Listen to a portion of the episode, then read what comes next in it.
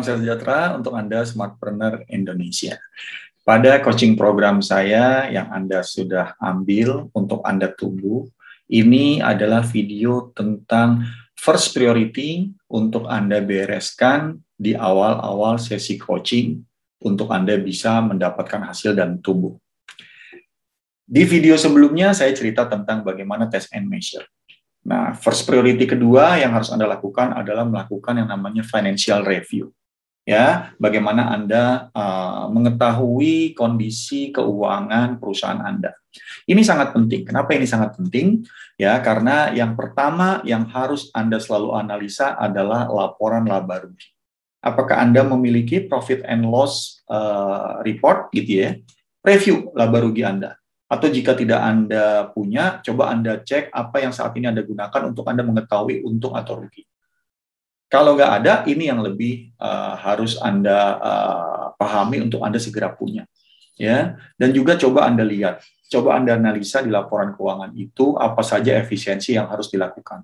Pengeluaran-pengeluaran mana yang besar, yang mungkin Anda rasakan tidak terlalu penting, yang perlu Anda kurangi dan Anda batasi struktur biaya mana yang perlu dipantau karena ini penting karena struktur biaya uh, banyak account-account ya banyak hal-hal yang mungkin anda bisa satukan biayanya. Atau bahkan anda hilangkan akunnya anda kasih budgeting yang lebih uh, baik untuk anda bisa uh, mengurangi uh, pengeluaran. Berapa persentase keuntungan minimum yang harus anda dapat? Analisa hal ini supaya anda Uh, benar-benar bisa uh, menjalankan bisnis Anda ke depan dengan lebih baik. Apakah saat ini harga uh, pokok produksi Anda atau COGS Anda, cost of goods sold Anda itu ideal? ya dan sesuai dengan bisnis sejenis. Karena kalau hal itu tidak pernah Anda ketahui, Anda merasa baik-baik aja.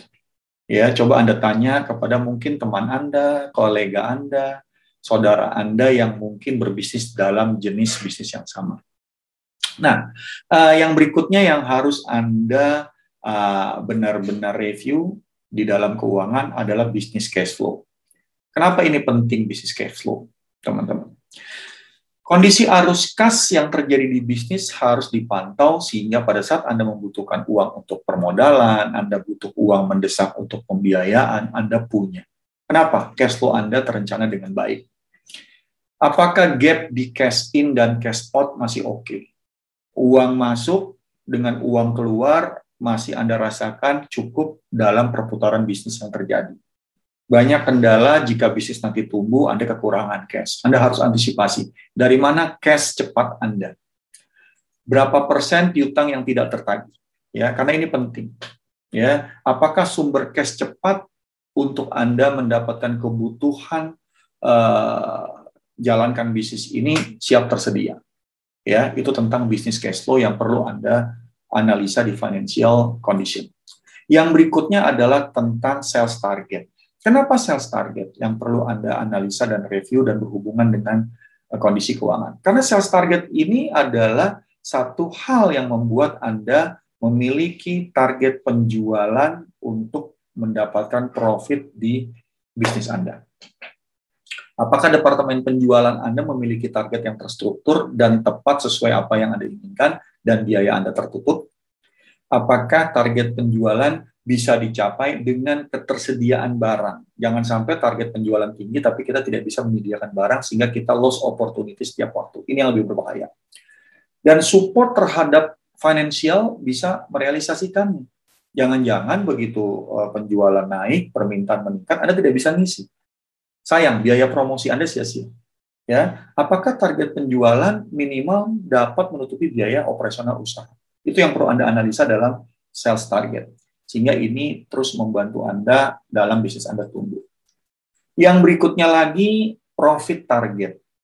Ya, tadi uh, kita sudah bicara tentang uh, financial condition, profit and loss, ya, business cash flow, ya, sales target. Yang berikutnya adalah profit target. Kenapa profit target? Ini yang harus diantisipasi. Sales tercapai, tapi profit tidak tercapai. Ini yang harus benar-benar Anda prediksi sehingga pertumbuhan perusahaan sesuai dengan yang direncanakan. Apakah departemen terkait dengan penjualan memahami break even point? Departemen yang terakhir dengan penjualan, produksi. Apakah mereka menggunakan pengelolaan sumber daya bahan bakunya dengan benar, efisien, efektif, penggunaan tenaga kerja juga sesuai. Supaya kita bisa benar-benar mengukur. BEP ini harus diketahui, break even point. Keuntungan minimum yang harus kita capai yang baru menutupi fixed cost, operational cost. Apalagi yang harus Anda pahami tentang profit target dan perlu Anda analisa. Target profit terstruktur sesuai funneling produk yang diterapkan. Apa funneling produk? Produk yang Anda tetapkan dari mulai profit yang paling rendah, berarti quantity, sampai kepada profit yang paling tinggi, berarti Anda harus jual dengan quality. Ini yang harus Anda pahami untuk Anda benar-benar bisa memahami financial condition. Yang terakhir di financial condition adalah membuat cash flow budgeting. Bagaimana Anda membuat anggaran cash flow atau alur kas ini dengan benar. Apakah Anda membuat anggaran tiap waktu bahkan sampai satu tahun ke depan yang dipantau per tiga bulan dan dilihat per bulan uh, actual dari uh, implementasinya. Apakah anggaran kas masuk, operasional, pinjaman, investasi, terencana dan terukur. Jangan-jangan Anda banyak dapat uang masuk dari pinjaman dan tidak tertutup dari operasional income yang Anda jalankan. Hati-hati, Anda akan terlibat hutang dalam hal ini. Apakah persentase pengelolaan kas perusahaan terkontrol dengan ketat? direview tiap bulan, dianalisa tiap minggu, dan Anda sebagai seorang pemilik bisnis, Anda sangat tahu kondisi keuangan Anda. Ini adalah lima hal yang perlu Anda ketahui dalam coaching program bersama saya tentang financial condition. Bisnis cash flow, ya. Yeah. Yang kedua adalah tentang kondisi uh, financial report, sales target, terus profit target, cash flow, budgeting.